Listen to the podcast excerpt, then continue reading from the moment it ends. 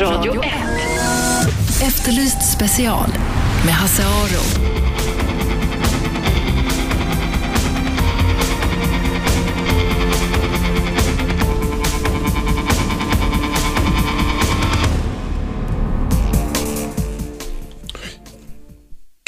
Välkomna hit, Efterlyst special, Hasse Aro. Eh, Vi sitter i studion på Radio 101,9, Sveriges nya pratradio. Och vi ska diskutera, vi ska prata om jämställdhet inom poliskåren. För framför mig sitter nämligen ett par alldeles livslevande exempel på jämställdhetsarbetet inom eh, Stockholmspolisen. Nämligen Sara och Ulrika. Välkomna hit. Tack. Ni ska bli, eller är redan kanske, eh, Stockholms första kvinnliga piketpoliser. Är det sant? Ni är det nu? Stämmer. Eh, Vi har gått en 20 veckors utbildning under våren här och var färdiga i fredags. Mm. Ska ni börja jobba nu? Ja, i måndags var första dagen. Det här då har, eh, är Stockholmspolisen väldigt stolt över och skickat ut ett pressmeddelande om att det här är ett resultat av ett aktivt jämställdhetsarbete eller jämställdhetssatsning. Hur ser den ut? Ja, det är väl eh, som vi var inne på tidigare, att man har, man har väl försökt att få fler kvinnor att söka helt enkelt. Så man har skickat ut brev till kvinnorna att de ska söka, som jobbar i Stockholms län. Men sen är vi ju inte de första, utan vi har ju faktiskt haft kvinnor tidigare. Men, Det är kvinnor tidigare som har sökt men inte kommit in på den här utbildningen. ja, men även kvinnor som har varit inom piketen, och, Ja. faktiskt, operativt. Eh, vad är det då som krävs för att bli piketpolis? Personlig mognad eh, och eh, en grundfysik naturligtvis, men mycket personlig mognad. Och, och varför vill ni bli piketpoliser, Sara? Varför vill du bli det? Är inte det det skitigaste och tråkigaste och liksom mest otacksamma av alla polisjobb? Eh, nej, alltså för min egen del så, ja, jag har eh, jobbat ett tag, sju år ungefär. Eh, och det känns som att det här är ett steg i, i min utveckling som polis och en specialkompetens och jobba på en specialenhet, vad allt det nu innebär. Eh, i, utbildningsmässigt och eh, de problem eller uppgifter man stöter på. Men det kan vara rätt, rätt eh, trista uppgifter man får. Mycket fyllon, mycket sånt, eller hur? Alltså piketens huvuduppdrag handlar kanske inte om fyllerister i första hand, utan det handlar ju om ingripa mot farlig person, eh, gisslansituationer eh, och ja, av lite annan dignitet än kanske vanlig ordningspolis sysslar med.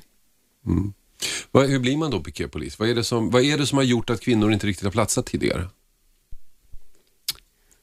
Det är en svår fråga tror jag. Eh, I grund och botten tror jag det handlar om motivation och vilja någonting extremt mycket och vara beredd att satsa både tid och eh, träning och eh, ja, engagera sig i det hun- till 110 procent. För man kan tänka sig då som utomstående att det som gör att kvinnor inte har klarat den här antagningen tidigare är väl det fy- fysiska. Några andra skillnader finns ju inte. Har, har det ändrats eller är ni starkare än, än tidigare sök, sökande? Alltså, jag tror att det är väldigt lätt att fokusera på, på fysiken, men det är ju trots allt en eh, helhetsbedömning av det man presterar under en ganska lång rekryteringsprocess. Eh, och visst, fysen är en del i det, men det finns så många andra aspekter på det också. Mm. Jag tror inte att man ska glömma bort det. Men har det, änd- Ulrika, har det ändrats? Har man, ser man på det här på ett annorlunda sätt? Är det därför som ni nu kommer in? Eller är ni bara starkare än tidigare tjejer? Nej, men jag kan bara hålla med Sara, att eh, man tänker på det, man tänker på helheten. Och sen är det också en begränsning, tycker jag, i, om jag går till mig själv så har jag haft en begränsning eh, tidigare, att jag inte trott att jag har kunnat klarat av att komma in. Och bara där har man en stor begränsning för att det sitter mycket i hjärnan. Mm. Det som slår mig lite grann, det är att ni, om ni ursäktar mig, inte är några ungdomar. Ni är inte 23 år någon av er, utan ni har passerat 30 med god marginal båda två. Och det förvånar mig lite grann. Eh, ja, eh, spontant så kan jag förstå det kanske, men eh, samtidigt så det tar ett, ganska många år att få en ganska bred polisiär grund att stå på. Det tycker jag är en av de viktigaste delarna man tar med sig när man går in i och jobbar kanske på piketen. Du måste ha varit med om, om en hel del saker ute innan du går in och, och gör de här specifika arbetsuppgifterna som det ändå rör sig om. Mm, för jag trodde i min enfald att piketen var en av de första grejerna man gjorde och sen gick man vidare inom karriären, men så är det alltså inte. Nej, och idag ser det, mycket annorlunda, eller ser det annorlunda ut än vad det har gjort tidigare också. Idag rör på, folk på sig mycket, mycket tidigare än vad de har gjort tidigare. För, förut så var folk på ordningsavdelningen väldigt länge, men idag stannar de inte där länge, utan de hoppar vidare till olika funktioner och olika enheter. Mm, vad har du gjort tidigare? Jag har gjort, eh, jag jobbar på ordningsavdelning, spaningsavdelning och inom närpolisen. Mm. Vilket är kul, roligast? Eh, Allt är väl roligast, men just nu så tycker jag piketen är roligast. Ja. Men har, har, ni varit, har ni varit ute och kört någonting? Inom piketen? Ja. ja. I- Som en del i utbildningen? Dels som en del i utbildningen, men även den här, under den här veckan. Okej, det är första veckan på jobbet. Ja. ja. Eh, vad har du gjort tidigare Sara?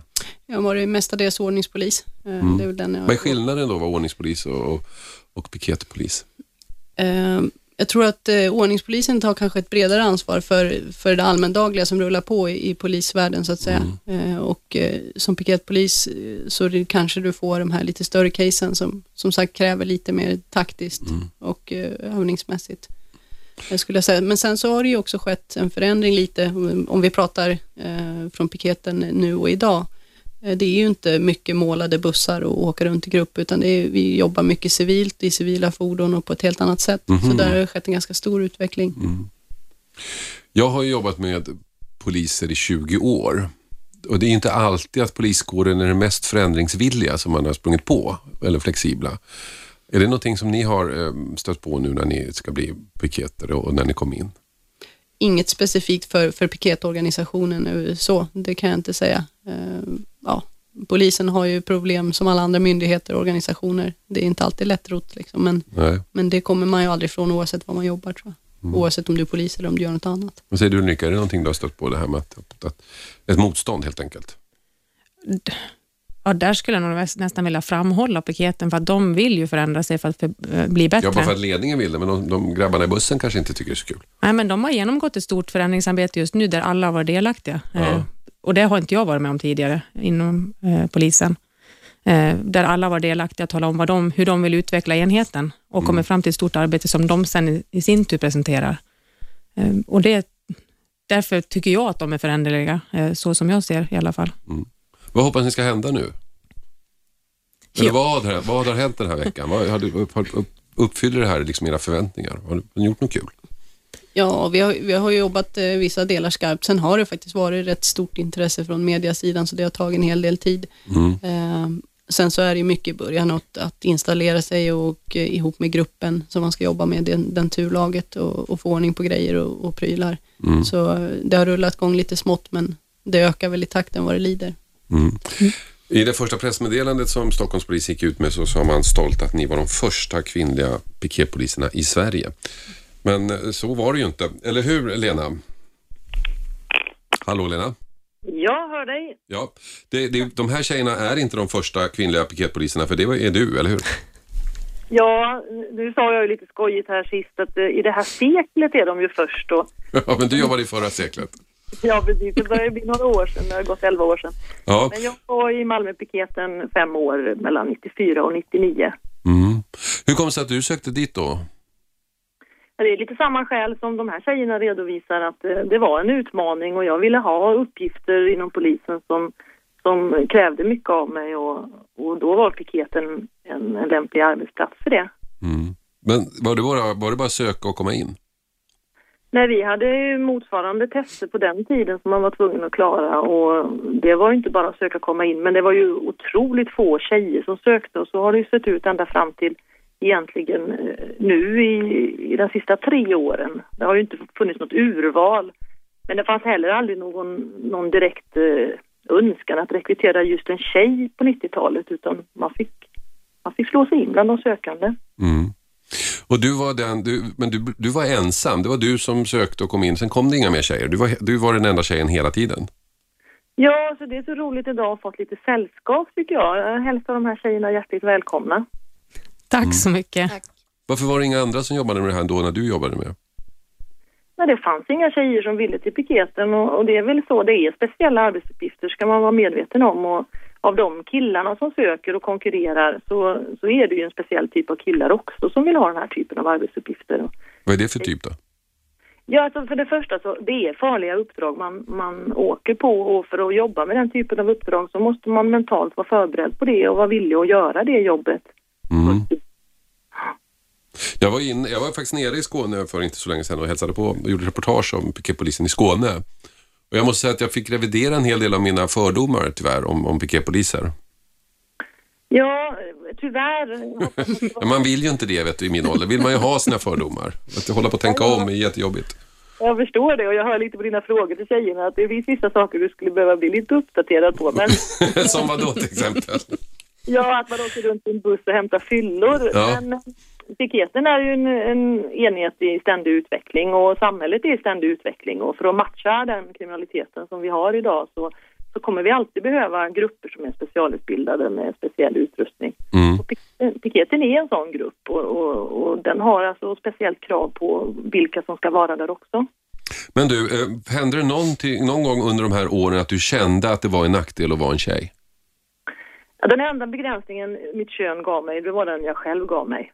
Mm. Att jag gjorde för, om jag gjorde för stor grej av det här att jag var tjej eller att jag förväntade mig att få beröm för att jag gjorde saker just därför att jag var tjej. Så var det alltså jag själv som satte upp det problemet. Mm. Men det hände aldrig att du, du stod inför någon slags fysisk utmaning som du kände att du, du orkar helt enkelt inte? Du är inte stark nog fysiskt? Nej, alltså jag hade väl den fördelen att jag hade en väldigt god fysik och, och är man väldigt vältränad så, och konkurrerar in sig på piketen så är det inte fysiken som är hindret. Nej, du menar att man har, man har passerat en gräns, man är godkänd så att säga. Man, är, man vet vad man är. Ja, man får ju inte vara, nummer, man får inte vara sist fysiskt på Nej. en enhet med 48 personer om man är tjej, utan man måste ju slå sig in och, och försöka hålla en nivå som är medelnivå. Men, eh, men det är inte fysiken som är hindret, utan det är, den, det är du som individ, de begränsningar du eventuellt har inom dig själv. Att klara av svåra uppdrag som kräver snabba beslut och, och mycket sunt förnuft, men ändå mycket dådkraft. Så det, är- det är ett speciellt jobb. Man överdriver det här fysiska menar du? Men fysiken är en grundförutsättning för att man ska kunna hålla huvudet kallt och inte behöva ägna all tid åt att försöka orka med.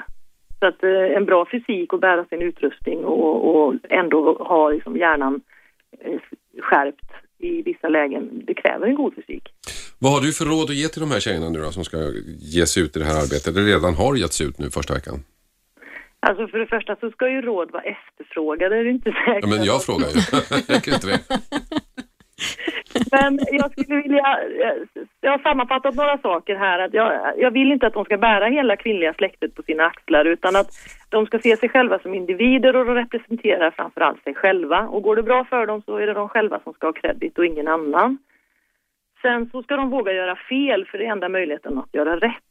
Det är att man får misslyckas ett antal gånger och att de inte sönderanalyserar sina fel för killarna gör verkligen inte det.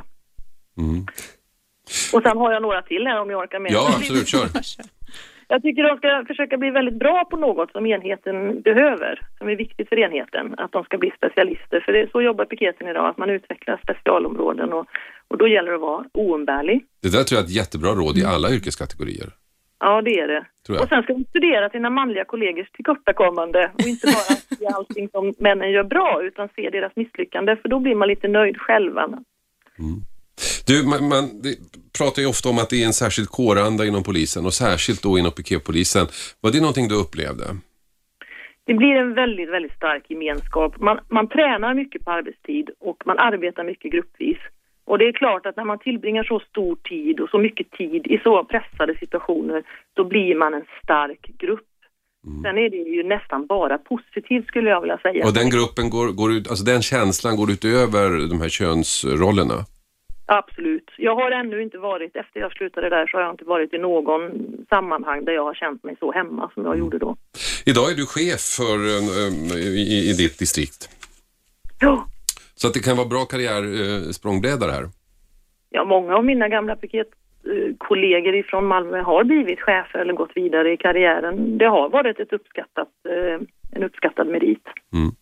Okej, tack så mycket Eva. Ni lyssnar på Radio 1, 101,9, Sveriges nya pratradio. Vi pratar om polisens jämställdhetsarbete som resulterat i att den här veckan börjar de tre första kvinnliga piketpoliserna i Stockholm. Men jämställdhetsarbetet går inte bara åt det hållet utan åt andra hållet. Efter pausen ska vi träffa en kille som slår sig in i ett tjejdominerat område i polisen. Radio 1. Efterlyst special med Hasse Aro.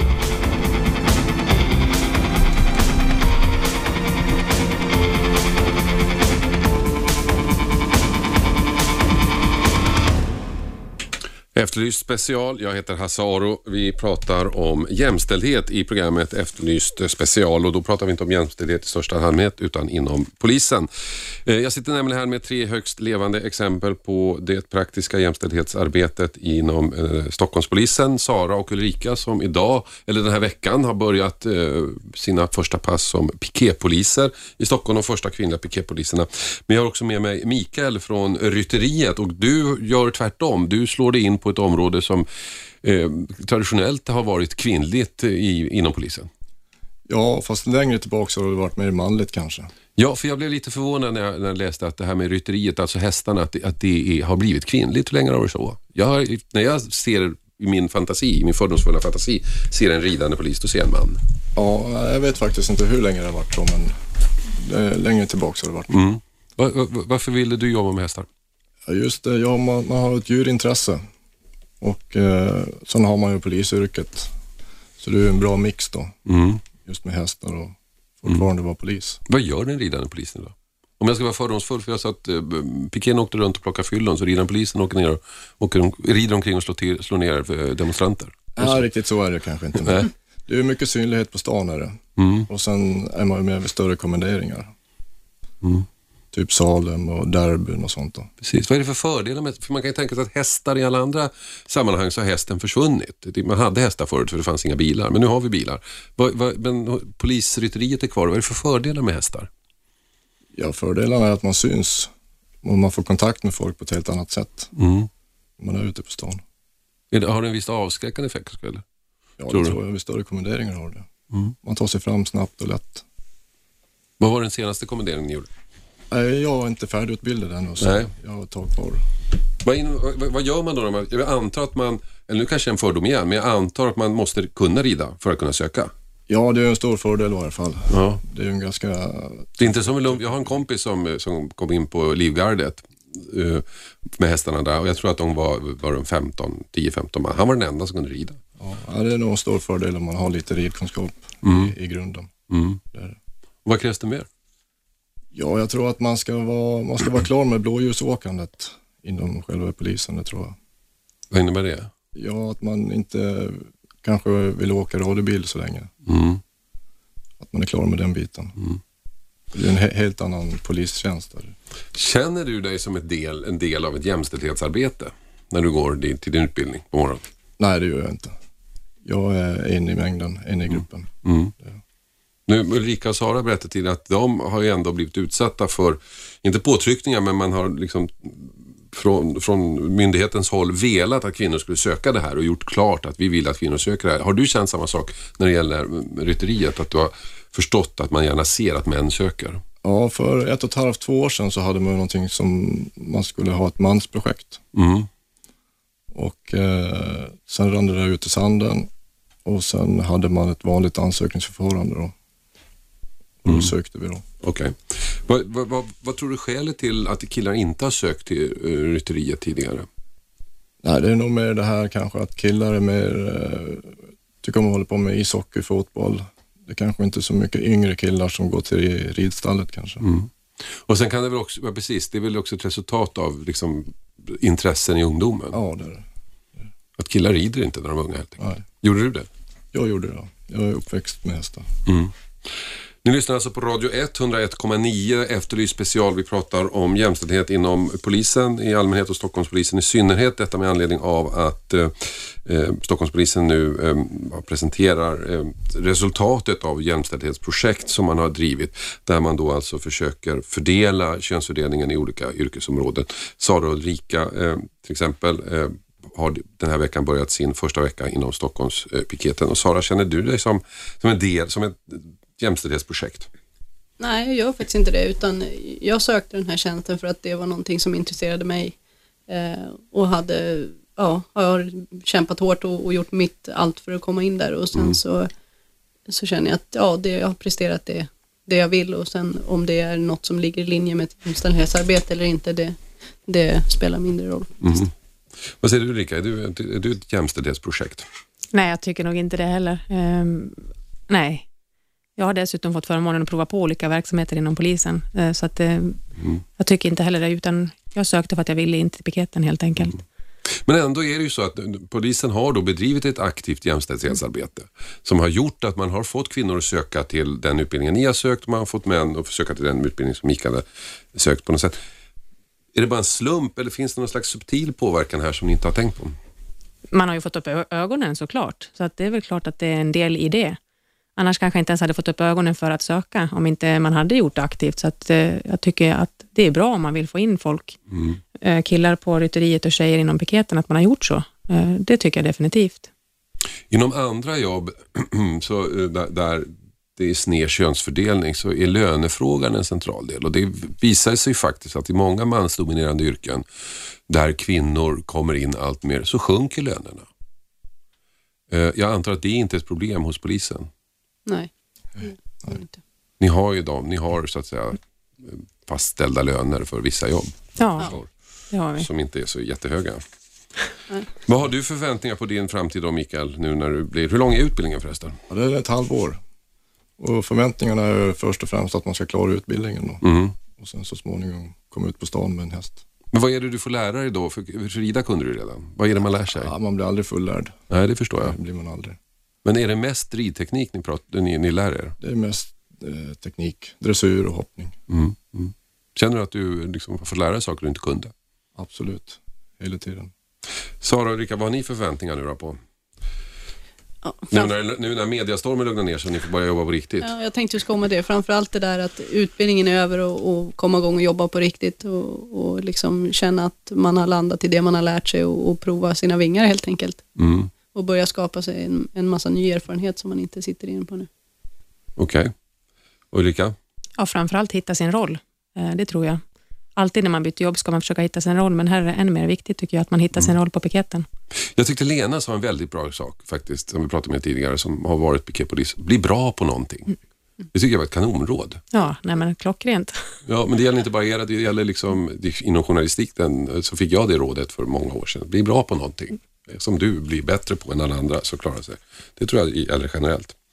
Okej, Sara, Ulrika och Mikael, tack så mycket för att ni kom hit till Radio 1. Tack så mycket. Tack. Tack. Radio 1. Efterlyst special med Hasse Aro.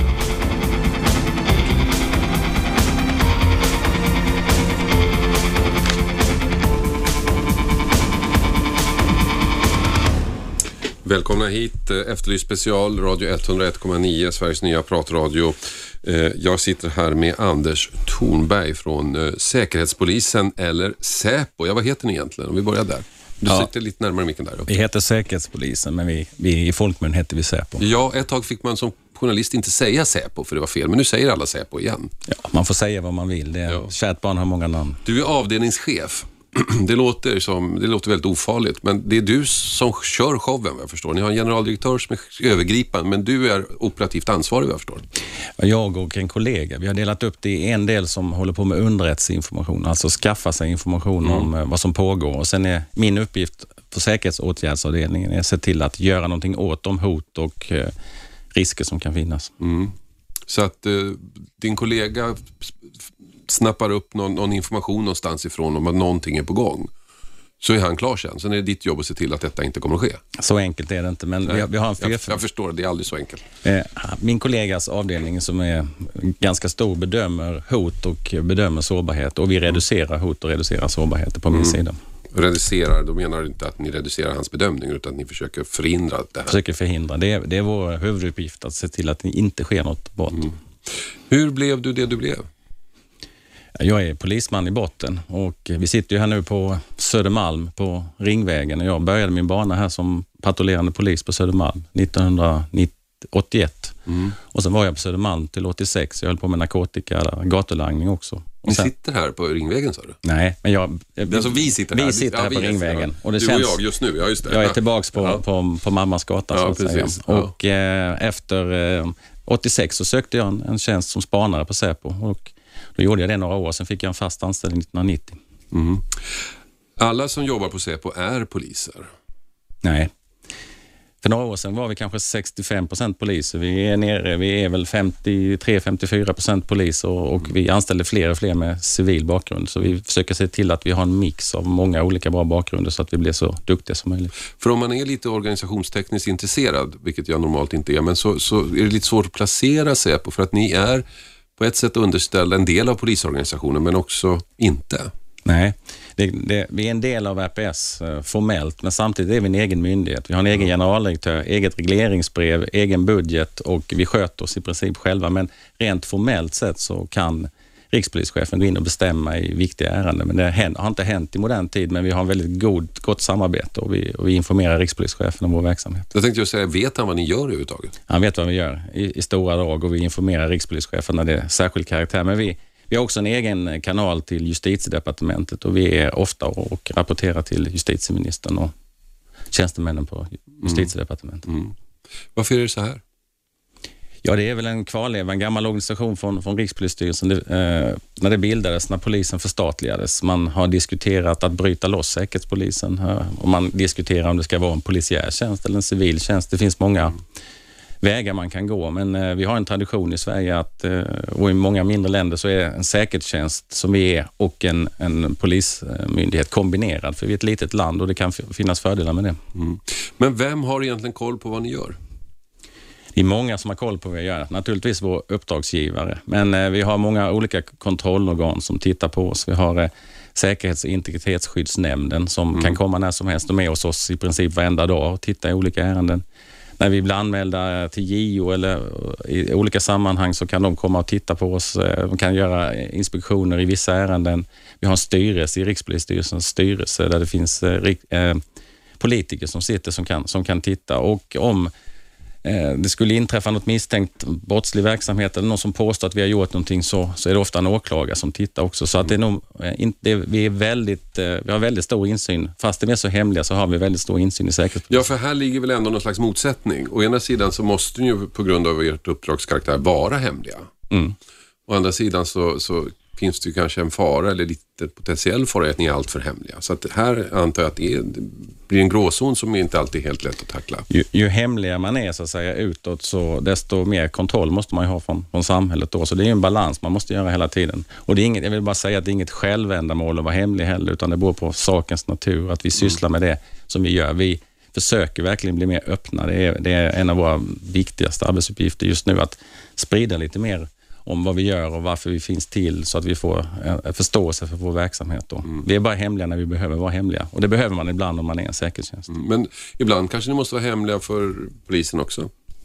Ibland kanske rikspolischefen inte kan få bli informerad. Ja, ja det finns, det finns inga sådana gränser för, mot rikspolischefen. Men, men, men eh, det beror på vilken eh, disciplin man jobbar med. Jobbar man med ett kontraspionageärende som, som rör förhållande till främmande makt eller rikets säkerhet eller spioneriverksamhet så kan vi till och med vara väldigt extremt hemliga och sektionerade in inom Säkerhetspolisen. Mm. Men absolut majoriteten av, vår, av vår, eh, vårt arbete, där försöker vi bli öppnare och vi har väldigt stor öppenhet. Jag tror många som arbetar hos oss blir förvånade över hur stor öppenhet vi har internt på Säkerhetspolisen. Mm, mm. Men det där är väl något nytt också, det här med att ni arbetar för att verka lite öppnare?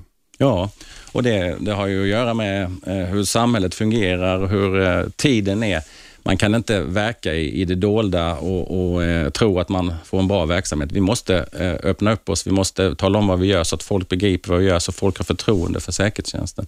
Jag kan ta som ett, ett exempel. Vi ser samma sak över hela Europa och, och Sverige och Säpo är väl en av de tjänsterna, säkerhetstjänsterna i Europa som har blivit eh, en av de mest öppna, så vi har varit lite föregångare för många andra länder. Storbritannien till exempel, för 10-15 år sedan om man frågade i parlamentet eh, någonting om MI5 eller MI6 så förnekar man att de existerade överhuvudtaget. Men de har också egna hemsidor och de sitter säkert i radioshow där nu också. Så att det, mm. det, är en, det, är, det är en nödvändighet. Ni, ni har en miljard i budget, det är ganska mycket pengar och ni är många anställda. Ja, drygt tusen, 1030 tror jag det var häromveckan. Mm. Drabbas ni någonsin av besparingskrav? Ja, det gör vi. Hela tiden gör vi det. Vi eh, försöker vara så effektiva som, som möjligt, men vi bedriver en verksamhet som, som ibland kostar en hel del pengar. Mm. Och, eh, eh, vi har stränga krav på oss, effektiviseringskrav. Och så precis som alla andra myndigheter, när man får den årliga budgeten, så finns det alltid inberäknat ett, ett rationaliseringskrav. Mm. Men om det uppstår hot eller eh, andra saker som, som kan göra att vi, att vi behöver mer pengar. Om vi kan motivera det tillräckligt väl så, så, så brukar vi få pengar. Vi kan inte få pengar bara för att vi ska växa. Kvantitet Nej. löser ingenting, men om vi har, att vi märker att det är ett ökat hot mot politikerna, att vi tillfälligtvis behöver mer eh, personskydd, så, så har vi fått det vid några tillfällen historiskt. Och när terrorismen är på agendan och det är väldigt stort hot så kan vi få det, men nästa gång så kanske vi ska minska lite för att hotet har minskat. Det är en balansgång. Mm, mm. Ni lyssnar alltså på Radio 101,9, Sveriges nya pratradio. Jag sitter här och pratar med Anders Thornberg som är avdelningschef på Säkerhetspolisen, Säpo, eh, som sitter här i Stockholm. Förut så jobbade ni mycket, eller man förknippade er med spionage där andra länder spionerade på Sverige. Det känns som om den delen av verksamheten inte är särskilt aktuell längre, eller har jag fel? Ja, det har du fel. Den, den kommer alltid vara aktuell för att det, det informationsövertag och, och information om andra länder, andra organisationer, eh, inför förhandlingar, eh, skydd och olika frågor. Det, det har alltid i alla tider varit aktuellt och kommer alltid, alltid att vara det framöver också. Det är viktigt för ett land eller för ett organisation att man skyddar det som är hemligt.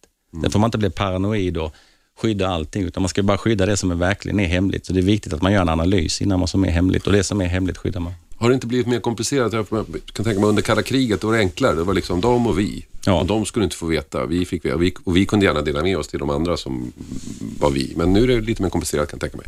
Det var enklare eh, och det berodde kanske inte bara på, eh, det berodde på att, att det var som det var med kalla kriget. När när jag började på Säkerhetspolisen i början på 90-talet och precis när muren hade fallit så, så riktade man sig väldigt mycket mot eh, öst-väst och det var det som var problematiken. Men sanningen är inte så enkelt utan hotet kan komma från alla olika håll, från, ibland från det håll man minst anar också. Så det gäller att vara vaksam hela tiden. Det handlar om handels eh, fördelar, det handlar om eh, insyn i politiska förhandlingar i förväg, det handlar om teknik och vetenskap, men fortfarande också om militära hemligheter. Men kan du ge något exempel på, på, på något slags informationshot som, som, som, som inte har med militärt att göra och inte har med militära styrkor att göra, men som ändå har varit aktuellt? Ja, ett modernt hot som man kan säga som, som vi eh, verkligen jobbar med nu och vi har bildat en ny enhet nyligen. Det gäller informationssäkerhetsfrågor. Man, man kanske inte behöver skicka in spioner i, eh, i en organisation eller mot en stat. Man kan bara skicka in information eh, med IT. Man kan skicka in trojaner, skadliga koder som kan plocka ut information utan att man märker någonting. Och Det är en modern slags eh, spioneri, men det, det gamla klassiska hedliga spioneriet med att man värvar agenter, det lever fortfarande. Det gör det? Ja, det gör det. Och, och, man lämnar meddelanden i papperskorgar och sånt? Det kallas för en eh, död brevlåda. Då, då lämnar man en, ett meddelande vid en viss tid som de på, plockar upp efteråt. Man drar kritstreck på stan och sen använder man den moderna tekniken där också. Men det, det absolut bästa om man vill eh, spionera det är att få in en person i en organisation som kan hämta ut information från insidan. Men det är just den här formen av spionage när en utländsk, en utländsk makt spionerar på, på, på hemlandet och håller på med agenter och grejer. Det är det som fascinerar då sådana som skriver romaner. Ja. Och i, i alla romaner så framstår då den, då, då finns det ju två underrättelsetjänster. Det finns den civila som är ni och så den militära som är militären. Och de är alltid lite smartare än den civila i alla böcker. ja. Är det så? Finns det en motsatsställning mellan de här två organisationerna? Nej. Nej, vad ska du säga? Nej, men det, det, det har väl funnits ibland också. Va? Men, men vi måste, man måste skilja på uppgifterna. Och, och I Sverige så är det så att vi har en, en civil säkerhetstjänst. Det är Säkerhetspolisen. Vi har ingen, eh, ingen civil underrättelsetjänst. Jag ska beskriva att i England har man ju MI6 som spionerar utomlands för Englands räkning och MI5 som skyddar England inom England. Ja. Och så är det CIA och FBI i USA. Ja. Men i Sverige har vi ingen militär underrättelsetjänst, äh, civil underrättelsetjänst. Vi har en militär underrättelsetjänst. Men det finns en militär underrättelse och säkerhetstjänst som, som jobbar för att skydda mil, det militära systemet. Och eh, idag har vi ett fantastiskt gott samarbete med den militära underrättelse och säkerhetstjänsten. Vi, vi har på daglig basis samarbete. Vi, vi, vi, gör, vi har vissa stordriftsfördelar tillsammans. Vi, eh, till exempel har vi ett nationellt center för terrorhotsbedömning där vi tidigare satt militären för sig, Försvarets radioanstalt för sig och Säpo för sig. Nu sitter vi ihop varje dag med, med de här medarbetarna och delar alla underrättelser för att då får vi det samlade underrättelsesamhällets information som vi kan utvärdera och utvärdera hotet mot Sverige och vidta åtgärder. De sitter i våra lokaler och chefskapet roterar. Mm, så att det här, den här motsättningen, om den nu har funnits, är idag en myt. Det finns ju alltid olika intressen, olika organisationer, så man får hela tiden vara vaksam och, och, diskutera olika frågor. Men det är inte bara mellan organisationerna sig, utan det är också eh, mellan eh, departement och annat. Alltså det, det, vårt uppdrag det är att samverka. Det är det nya ledordet för alla myndigheter. Vi måste bli bättre på att samverka, för vi, måste, vi är ett litet land och kan vi inte samverka så sköter inte vi, vi inte vår uppgift och då, då får vi inte vara kvar. Så att säga. Det gäller för oss att utnyttja våra resurser så smart som möjligt och då har man ett bra samarbete. Och till och från ibland så blir det mindre diskussioner, men då, då reder vi ut det och, och fixar till det. För att vi, vi alla är satta för att skydda Sverige och svenska intressen. Mm, mm. Vad, kan, vad, kan, vad kan en motsättning bestå i? Ja, det, kan, det kan vara kanske att man sitter på viss information som man inte delar med sig vid rätt tillfälle. Det kan vara att, att eh, man kan ibland krocka på, på fältet när man letar samma information och så vidare. Men det, det finns inga stora motsättningar utan vi, vi, vi tar hand om det efterhand. Det säger Anders Thornberg som är avdelningsdirektör på Säpo, Säkerhetspolisen. Radio 1. Efterlyst special med Hasse Aro.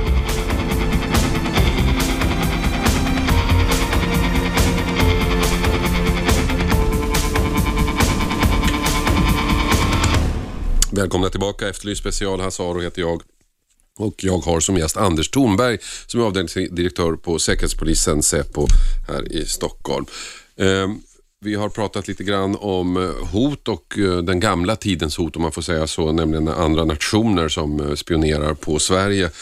Och också, också konstaterat att hotbilden har blivit lite mer komplicerad än så och det såg vi ju väldigt konkret i december förra året när vi hade en självmordsbombare i Stockholm. Ja.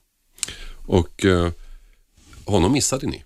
Ja, det står i, i, i, våra instruktioner, i vårt mål, att det ska inte ske terrorattentat i Sverige och det jobbar vi stenhårt för. Men i det här fallet så, så missar vi det. Och det. När det här skedde så hade vi ett förtöj, förhöjt terrorhot i, i Sverige. Ja, och vi hade, sen hade vi två separata ärenden som pågick samtidigt också. Och det här kom som en blixt från en klar himmel, även om vi naturligtvis hade tänkt igenom och förberett för att det skulle kunna hända. Men den här personen hade vi missat. Och Grejen med honom det är att han var praktiskt taget ensam, eller hur? Ja, utredningen pågår fortfarande och det, det är en viss utredningssekretess men allt så här långt tyder ju på att han var ensam till att utskälla, utföra själva attentatet och eh, det som har hänt i Sverige. Sen eh, håller vi på och försöker ta reda på om han har haft någon hjälp eller utbildning innan och så vidare. Men mm. det, det, verkar som att det var, det verkar som att han var ensam i det här mm. fallet. Och då är det klart, då är det svårt.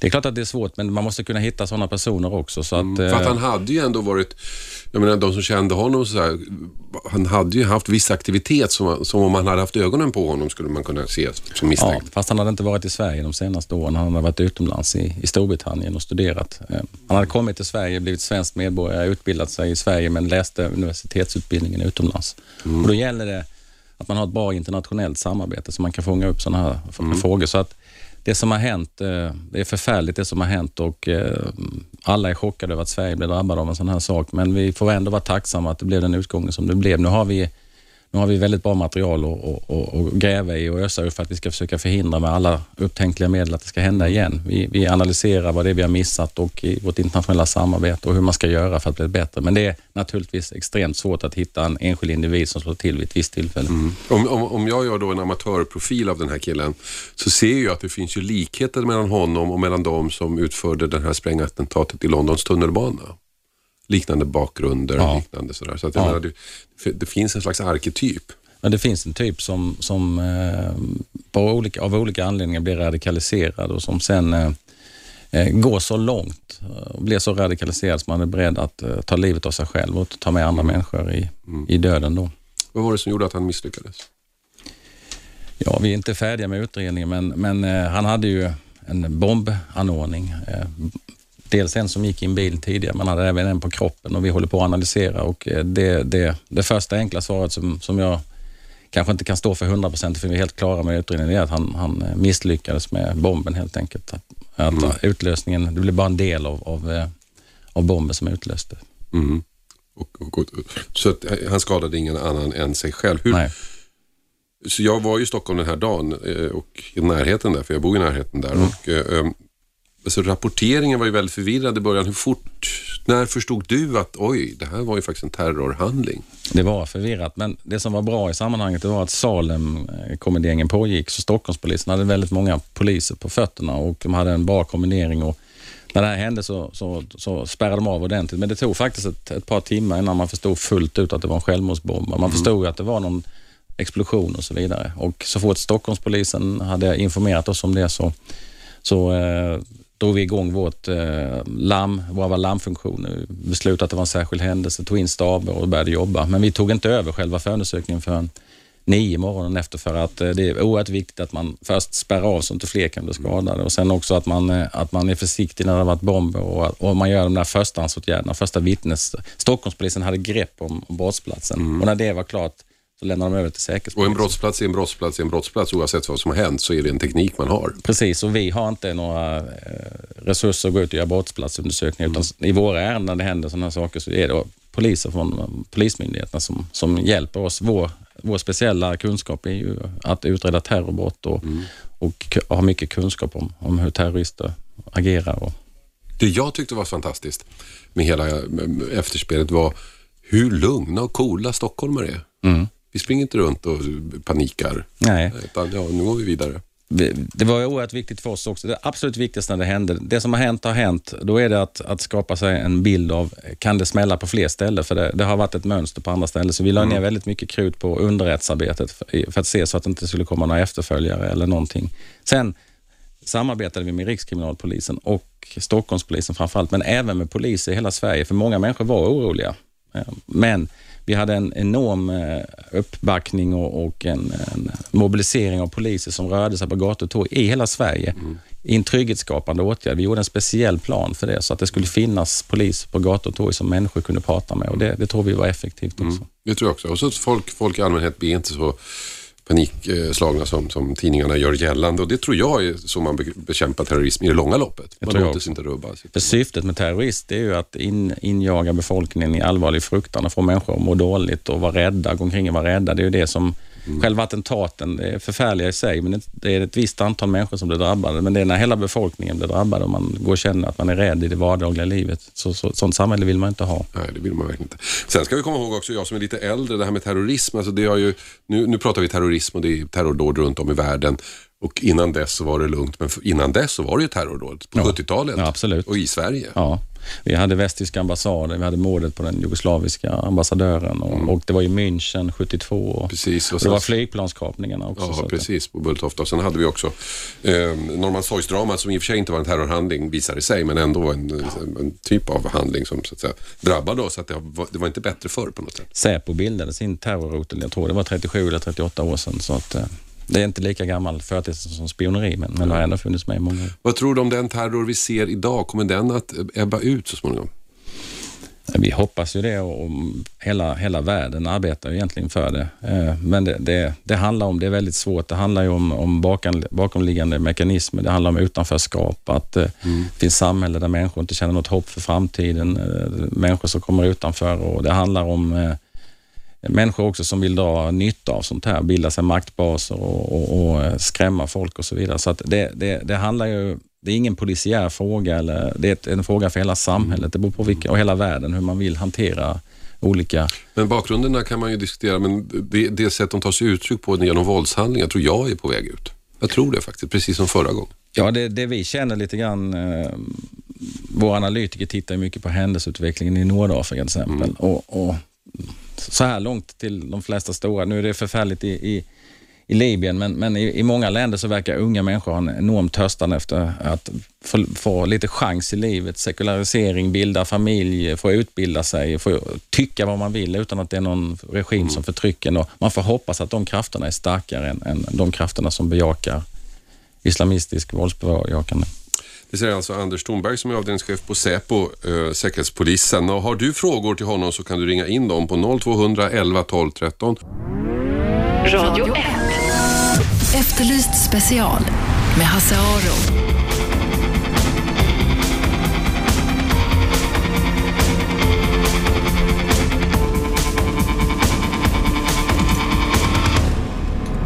Välkomna tillbaka. Efterlyst special. Lyssnar ni på Radio 101,9 i Stockholm. Jag sitter här med Anders Thornberg som är chef, avdelningschef på Säpo. Och eh, vi har pratat om terrorhot och lite allt möjligt. Och nu kan ni ringa in om ni vill och diskutera eller ställa frågor till eh, Anders. 0200 11 12 13 0200 11 12 13. Ställ frågor till Säkerhetspolisen.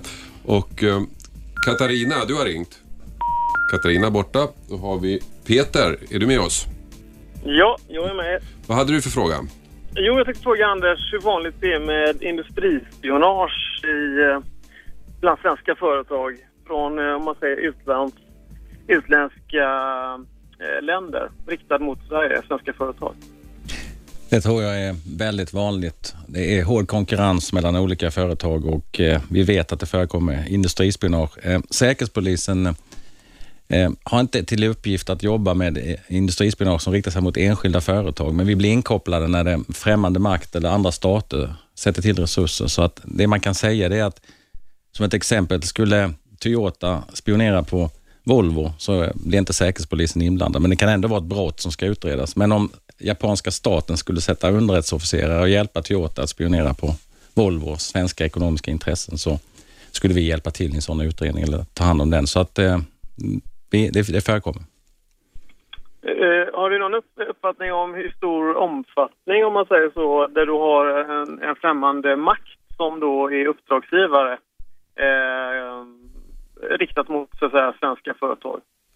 Vi försöker ju i, i vår verksamhet inom ramen för vårt kontraspionage att, ha- att ha en uppfattning vad främmande makt gör i Sverige, vilka intressen man har och om man arbetar eh, olagligt. Men eh, Eh, det är svårt att ha en, bestämd uppfattning. Vi vet att det förekommer. Vi har haft ärenden genom åren där Säkerhetspolisen har varit inblandad. Vi har fått fällande domar, bland annat varit spionage mot Ericsson och andra företag. Eh, det finns naturligtvis ett mörkertal också, men vi jobbar eh, med det för att försöka förhindra att, att, att svenska företag blir drabbade. Tack ska du ha Ola. Och vem har vi med oss nu? Försvann igen. Eh, på Ola sa jag, Peter hette han, förlåt. Ola däremot ringde in tidigare med dåliga batterier på 0200 11 12 13 där man kan ställa frågor till Säkerhetspolisen. Ola undrade om det här med säkerhetsnivåer. Eh, vad är det som avgör när man går från en säkerhetsnivå till en annan och hur många finns det? Är det registerkontroll då du menar? Eller? Jag vet inte, det är inte jag som menar. Men man säger väl att det finns säkerhetsnivåer i olika länder. Nu har vi, I USA säger man det. Nu är det liksom... Ja, du menar när det gäller hot? Ja. Okej, för att eh, det, jag, det jag tänkte på, eh, om man ska jobba med hemlighet i Sverige så kan man eh, vara klassad i olika säkerhetsnivåer. Man gör en registerprövning. Men, men eh, det är ett, ett system som man har olika i, i olika länder. Eh, I Sverige använder vi en, eh, en femgradig skala. Eh, I andra länder så använder man färgskalor. I, I vissa länder så går man ut väldigt öppet och, och beskriver hur läget är.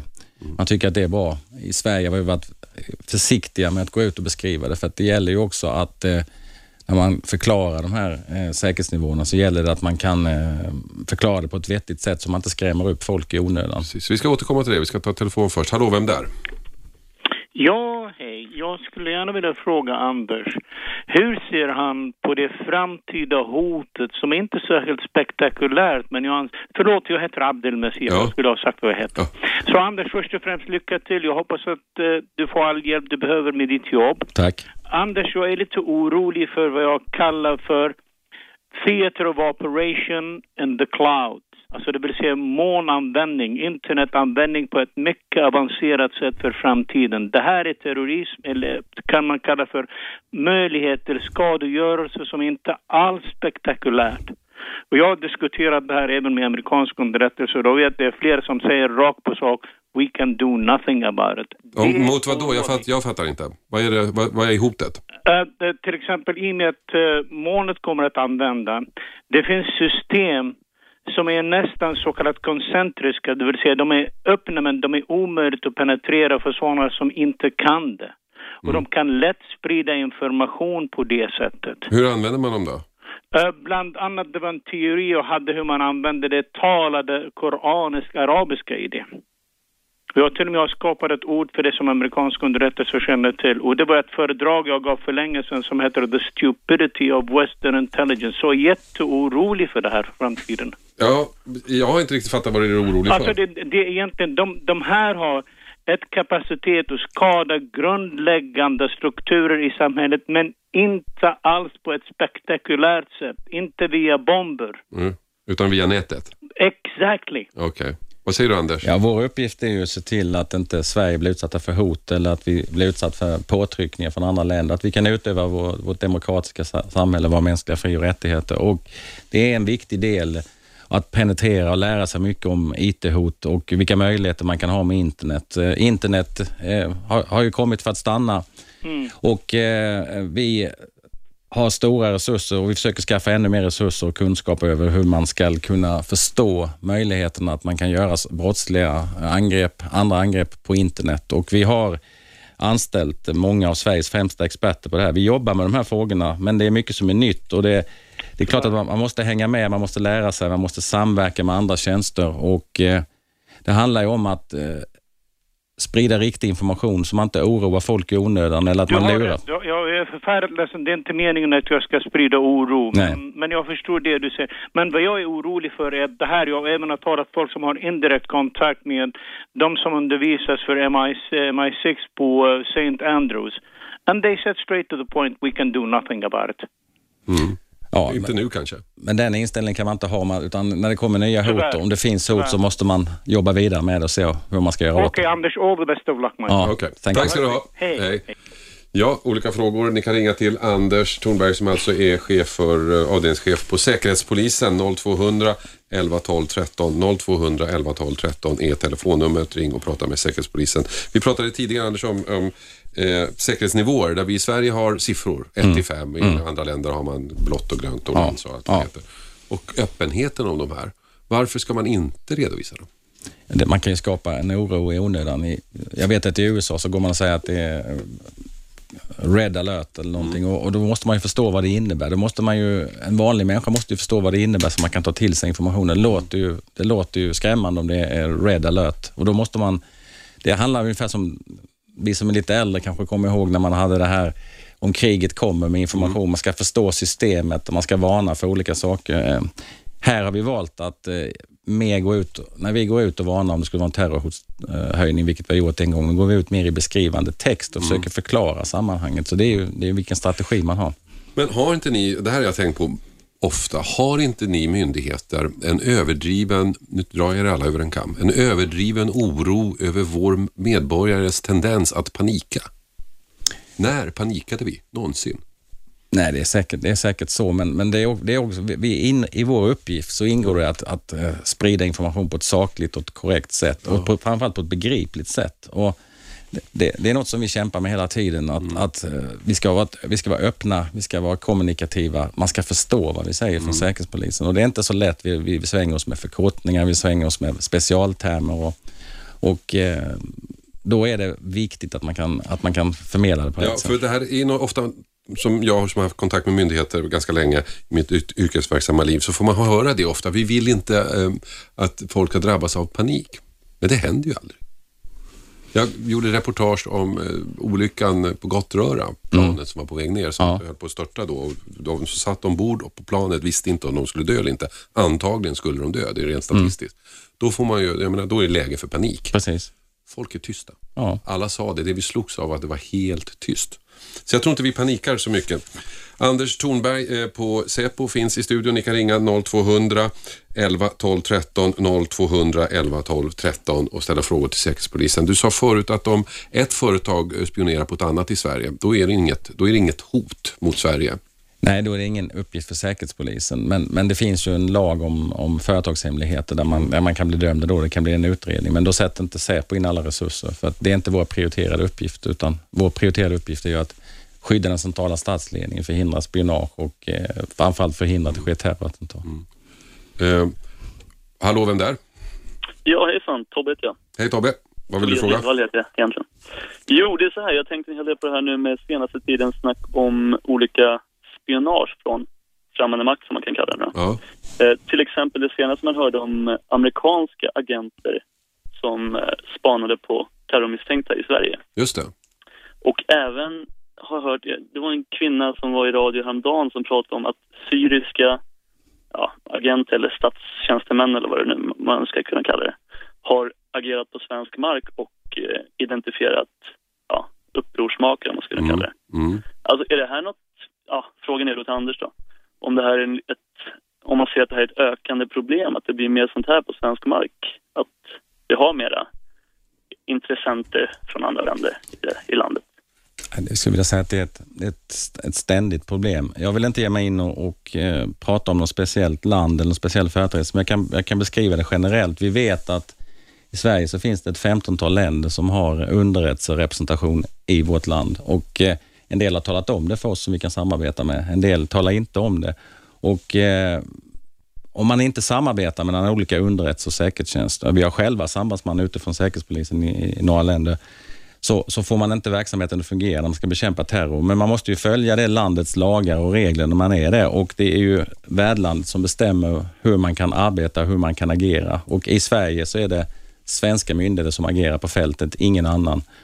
Och från tid till annan så händer det att länder går utanför det här regelverket och då reagerar vi eh, lika hårt oavsett var det kommer ifrån. Så att eh, varje år nästan, eller väldigt ofta, så, så händer det sådana här saker och vi ingriper och eh, reagerar. Det händer det väldigt ofta alltså? Det händer, det händer ofta. Mm. Mm. Ja, det var utförligt och bra där. Ja, men, Men, eh, är det här någonting du har reagerat på, Tobbe? Ja, ja, ja självklart. Det är, så fort man har hört det så har man blivit väldigt eh, förvånad och ja, nästan irriterad på att, man, att Mm. någon låter det hända inom våra, våra lands gränser. Mm. Men eh, ja, nu uppenbarligen låter det som att ni vidtar starka åtgärder när ni, när ni väl upptäcker att det händer. Okej. Tack ska du ha. Ja, tack så mycket. Ni kan alltså ringa till Radio 1, 101,9 Efterlyst special och prata med Anders Thornberg, avdelningschef på Säpo. Vi pratade just om underrättelseverksamhet i Sverige, men var går gränsen då för utländsk, eh, utländska aktiviteter i Sverige? Det finns ju, det finns ju lagar och, och regler. Det finns brott, spioneri, olovlig underrättelseverksamhet, flyktingspionage. det finns många människor som söker, har fått asyl i Sverige som varit förföljda i sina hemländer, som kommer till Sverige och får, får skydd här och sen kanske de här regimerna fortsätter att förfölja dem i Sverige genom att utöva... Men om du har en regim eh, vars, eh, som är hårt kritiserad av en förbjuden opposition i sitt eget land. Mm. Den oppositionen finns representerad i Sverige och de har ett möte här och ambassaden skickar dit någon för att kolla. Är det olagligt? Nej, men om man värvar agenter i den organisationen, om man driver källor i den organisationen för att, för att få ta reda på vad olika människor tycker, för man sen ska utöva påtryckning mot deras anhöriga i hemlandet eller något annat, då går man över gränsen och det är noga definierat i, i, i lagen.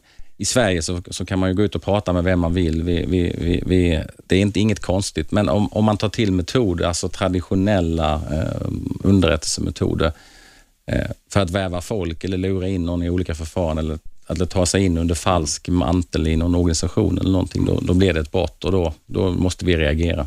Gör inte vi så utomlands då? Alla länder som har eh, utlandsspionage jobbar ju på det sättet. Mm. Så att det som är olagligt här är det, tycker vi är okej när vi gör det.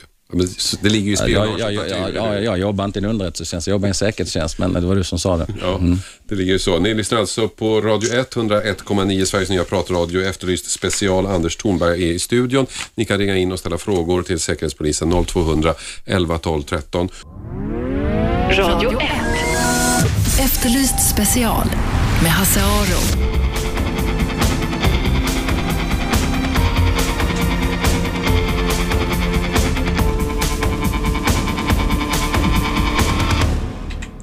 Radio 101,9 Efterlyst special. Jag heter Hasse Aro. Vi sitter här och pratar med Anders Thornberg som är avdelningschef på Säpo. Ni kan ringa in och ställa frågor till honom. 0200 11 12 13. 0200 11 12 13. Och Danne, du hade en fråga. Ja, hej Hasse. Hej. Jag undrar hur stort problem är det med rekrytering i Sverige till terroristgrupper? Vad heter rekrytering? Ja. Ja, Anders. Vänta, vänta Anders, du ska få en mikrofon. Varsågod. Det är inget jättestort problem, men det finns här och det är något som vi tar väldigt allvarligt på. Eh, Det finns personer, ett antal personer i Sverige som, som sysslar med att rekrytera framförallt unga människor till och försöka övertala och hjälpa dem att bli radikaliserade så att de senare skulle kunna eh, göra någonting stödja kampen eller kanske till och med bli en, en självmordsbombare. Det finns i de flesta västländer och det finns i Sverige också och det försöker vi arbeta med att förhindra. Mm. Hur då? Ja, vi samtalar väldigt mycket, vi är ute och, och vi, vi, vår, vår uppgift är att avbryta, inte vänta att ett brott ska ske. Eh, det är ingen som kommer in till Säkerhetspolisen och anmäler brott på samma sätt som man gör på Polismyndigheten, utan vi får ofta reda på det på annat sätt och när vi förstår att det pågår någonting som är olämpligt så försöker vi vidta en mängd åtgärder för att förhindra att brottet sker. För, för det brottet, terrorbrottet, är, det, det är så fasansfullt så det får man ju inte vänta utan man måste avbryta in. Okej. Tack ska du ha för att du ringde Danne. 0200 11 12 13. Ring in och ställ frågor till Säkerhetspolisen Anders Thornberg. Det finns ju, det, det har ju framkommit kritik om att Säpo inte har riktigt koll på vad som händer inom radikala muslimska grupper helt enkelt. Därför att ni inte är där. Ja, det, finns, det, det finns alltid ett mörkertal och vi, vi kämpar varenda dag med att vara på rätt ställe. Men eh, det är inte så enkelt så att man kan vara på alla ställen. Det finns ju slutna grupper. Man, eh, många av de här grupperingarna är ju rädda att bli infiltrerade, att, man ska, att man ska, någon ska tala om vad de håller på med. Men vi jobbar ju även på Säkerhetspolisen med informatörer och källor. Så att, eh, en metod som vi använder det är ju att få in personer i sådana här grupperingar som kan berätta för oss vad som, vad som händer. Mm. Men det måste vara svårt. Det är jättesvårt. Vi hade ju det här ärendet till exempel som pågår nu eh, nere i, i Danmark med utredning, men de skulle skjuta mot Jyllandsposten. Där, det, Ja. där upprinnelsen var i Sverige och det var genom informatörer, kan man säga, som Säpo kom det här på spåret, övervakade det och lyckas eh, avvärja det här tillsammans med den danska säkerhetstjänsten. Mm.